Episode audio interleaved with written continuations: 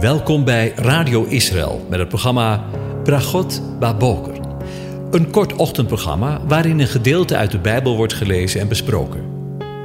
Met Bragot Baboker wensen onze luisteraars zegeningen in de ochtend.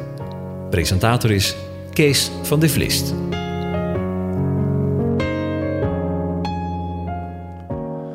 Goedemorgen, beste luisteraars. Vanmorgen gaan we verder met Psalm 2.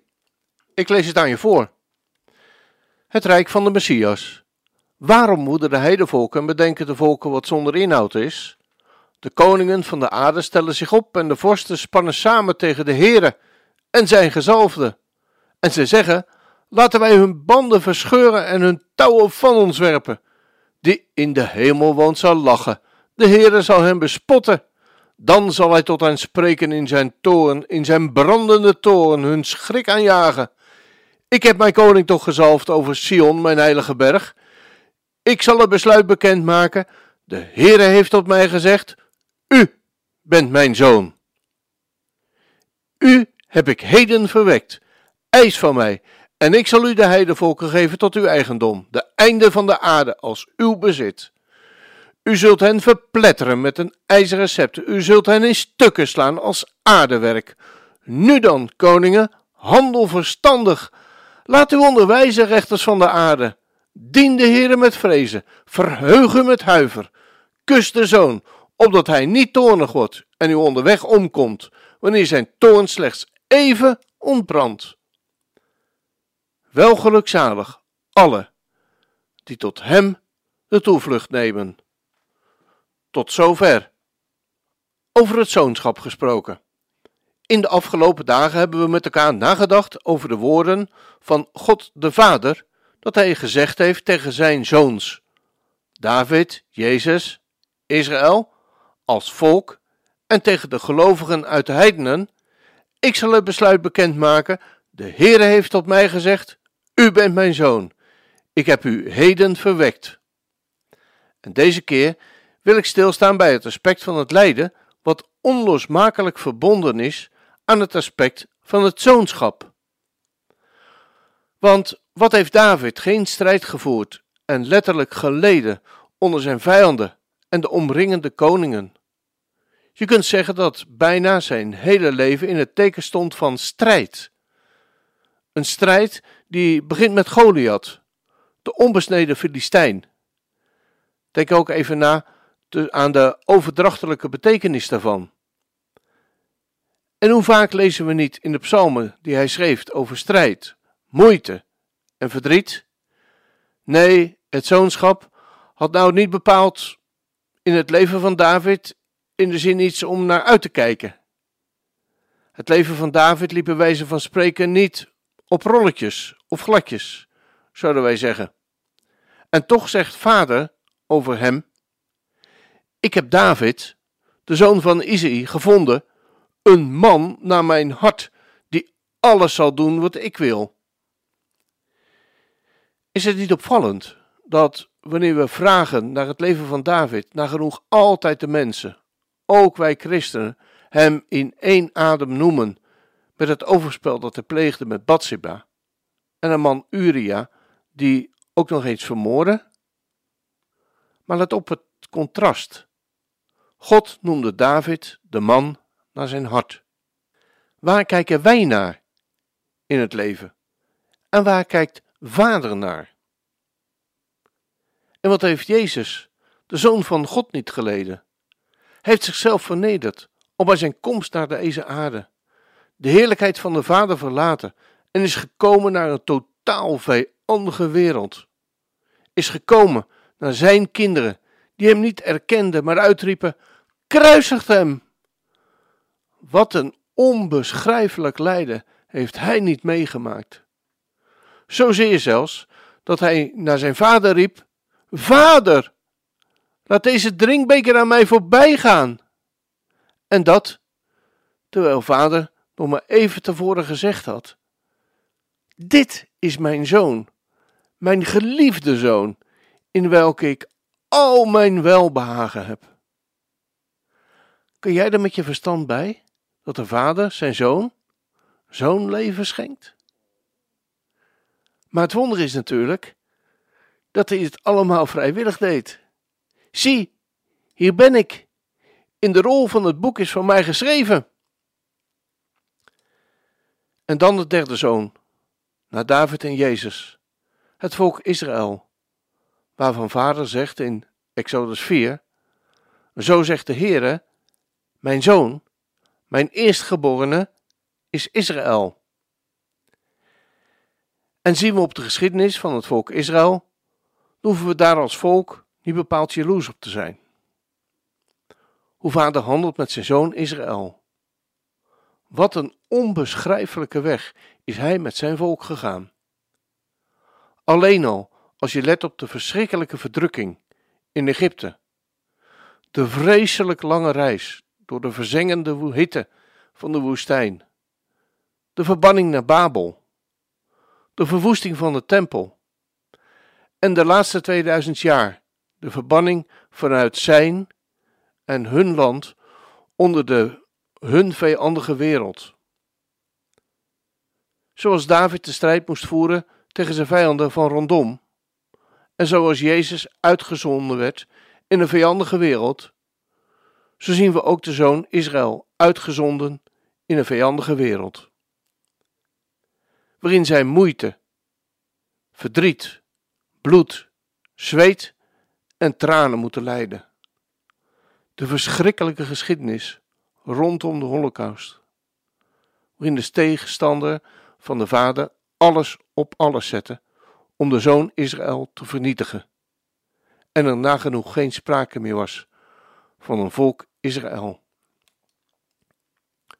Door de woorden van apostel Jacobus werd door de vader dit lijden van Israël al aan de twaalf stammen die in de verstrooiing zijn voor recht. Jacobus zegt daar: Wees verheugd, of met andere woorden, wees blij. En acht het voor grote vreugde, mijn broeders, wanneer u in allerlei verzoekingen terechtkomt, want u weet dat de beproeving van uw geloof volharding teweeg brengt. Wat een onbeschrijfelijk lijden van deze drie zonen van, van vader. En hoe zit het dan met de laatste zoon, die we in de voorgaande uitzending noemden? Met hen, tot wie de vader zegt in 2 Korinthe 6, vers 18: Ik zal u tot een vader zijn, en u zult mijn zonen en dochters zijn, zegt de Heere, de Almachtige. Hoe zit het dan met ons, gelovigen, in de 20ste eeuw? Is het werkelijk waar dat wij gaan van kracht tot kracht? Ik moet denken aan die duizenden en duizenden gelovigen die in onze dagen en de dagen die achter ons liggen, de dagen dat de brandstapels bijna nagenoeg dagelijks rookten, gelovigen aan de wilde dieren werden gevoerd. Wat een verschrikkelijke tafereelen. Maar ook in de huidige dagen, waarin christenen nog dagelijks onder regimes leven die bestuurd worden door de grote tegenstander. En aan hen die ook vandaag geslagen en gemarteld worden, in de gevangenis gegooid worden of zelfs gedood zullen worden. Vandaag, anno 2020. En hoe is het dan in het zogenaamde Vrije Westen? In ons Nederland van vandaag. Denk je dat de Satan ons met rust laat? Opdat wij een gerust leven zouden hebben? Of gebruikt de Satan vandaag in ons Westen een heel ander instrument om ons van Vader af te houden? Geloof je werkelijk in het vooruitgangsgeloof dat het lijden, zoals bij de andere zonen van Vader plaatsvond, aan de zonen van vandaag de dag voorbij gaat? Let op de volgende Bijbelse principe uit Hebreeën. Ik lees het je voor. De Heere bestraft wie hij lief heeft, en hij geestelt iedere zoon die hij aanneemt. Als u bestraffing verdraagt, behandelt u God u als zonen. Want welk kind is er dat niet door zijn vader bestraft wordt? Maar als u zonder bestraffing bent, waar alle deel aan hebben gekregen, bent u bastaarden en geen kinderen. Bastaarden zijn geen wettige kinderen. De vraag die voor jou en voor mij vanmorgen voor ons ligt, is of wij verdrukking ervaren. Of gebruikt de Satan in ons zogenaamde vrije Westen een ander instrument?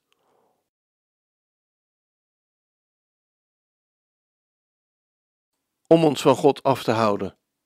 Misschien is dat wel het instrument van de afleiding. Afleiding in allerlei zaken, als het maar niet met vader te maken heeft. We worden zo verschrikkelijk in beslag genomen door allerlei zaken, dag in, dag uit, dat we aan Hem, aan Vader, niet toekomen. Neem bijvoorbeeld de schermcultuur. Schermen hebben we tegenwoordig groot en klein. Televisie, computer, laptop, tot het kleine telefoontje aan toe. Even checken of er nog mail is. Facebook, Instagram, Twitter, LinkedIn en noem maar op. Wees eens eerlijk. Besteed je net zoveel tijd aan het lezen van je Bijbeltje als aan je schermtijd? Al die schermpjes zijn vluchtig. Wat nu waarheid en wat nu het nieuws is, is morgen oud nieuws. Maar Gods woord houdt stand. En niet alleen vandaag, morgen, overmorgen, volgende week, volgende maand, volgend jaar, maar tot in eeuwigheid. Ervaren wij nog verdrukking in de tijd waarin wij leven? Misschien maar een fractie van de verdrukking die de andere zonen van de Vader ervoeren? Of zijn we op de golven van de wereld meegevoerd? Dat we verdrukking niet meer ervaren. Let op. Vader zegt: In de wereld zul je verdrukking hebben. Maar heb goede moed. Ik heb de wereld overwonnen. Ik kon mij nog een voorval herinneren uit de jaren tachtig van de vorige eeuw. Ons gezin kwam elke zondagmorgen bij elkaar met het gezin van mijn zwager en schoonzus. Het was de tijd dat het ijzeren gordijn nog maar net in Rusland gevallen was. In Rusland was er enorme honger naar het woord van God, en Bijbels waren er maar nauwelijks. We hadden het plan opgevat om soms een aantal Bijbels naar Russische mensen te sturen. En we schreven daar een klein briefje, als bemoediging bij. We schreven dat wij met hen meeleefden en hen opdroegen in ons gebed vanwege de verdrukkingen en de vervolgingen er, die er destijds plaatsvonden. En het was een keer dat we een briefje terug ontvingen, waarin de mensen ons enorm bedankten voor de Bijbel die zij hadden mogen ontvangen en voor ons gebed. Maar ze gaven heel nadrukkelijk aan ook voor ons te bidden. Te bidden voor alle verleidingen waaraan wij blootstaan in deze zogenaamde vrije westerse wereld. Dat wij niet verleid zouden worden en afgeleid zouden worden van het woord van God. En ik kan je verzekeren dat het sinds de jaren tachtig het er in het Westen niet beter op geworden is. De kerken lopen leeg. Elke dag verlaten bijna 300 mensen de kerk in ons land. Wanneer dit in dit tempo doorgaat, is berekend dat alle kerken in 2040 gesloten zijn. En weet je waarom? Afleiding. Want wie heeft er tegenwoordig nog 30 minuten per dag de tijd om zijn Bijbeltje te lezen? En tijd voor gebed. S'morgens komen we er vaak niet toe. En s'avonds vallen we moe en afgedraaid in bed. Geen tijd. En zondags willen we graag geëntertained worden. En de spreker krijgt 20 minuten de tijd voor zijn verhaal, want de band staat te wachten. En beslaat een groot deel van de beschikbare tijd. En voor het woord van God is maar weinig ruimte. Somber verhaal, denk je? Ja, ik denk het wel. En misschien vraag je je af: maar zal de zoon des mensen, als hij komt, wel het geloof op aarde vinden? Als je jezelf deze vraag stelt, bevind je je in goed gezelschap, want ook Jezus stelde deze vraag. En hij gaf ook antwoord. Niet rechtstreeks, maar het antwoord is gegeven in drie verhalen. Verhalen van Jezus zelf. Daar willen we morgen bij stilstaan. Ga met God en Hij zal met je zijn. Jou nabij zijn op al je wegen. Met Zijn raad en troost en zegen. Ga met God en Hij zal met je zijn. Ga met God en Hij zal met je zijn bij gevaar in bange tijden. Over jou zijn vleugels spreiden. Ga met God en Hij zal met je zijn. Ga met God en Hij zal met je zijn. Tot wij weer elkaar mogen ontmoeten. In Zijn naam elkaar begroeten. Ga met God. Ga met God. En Hij zal met je zijn. We gaan luisteren naar het lied, uitgevoerd door Remco Haggert.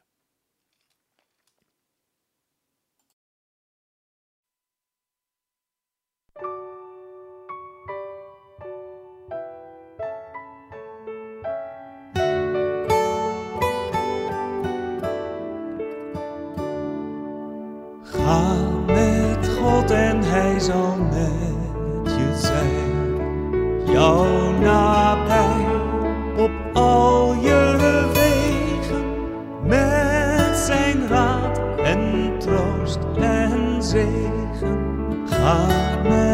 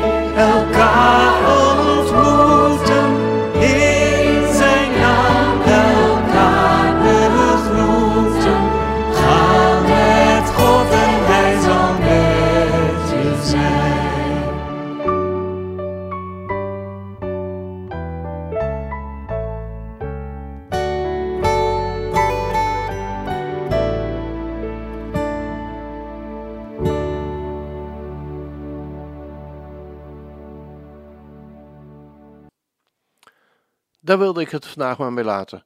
Ga je weg met God, ook vandaag, en Hij zal met je zijn. Ik wens je een van God gezegende dag toe.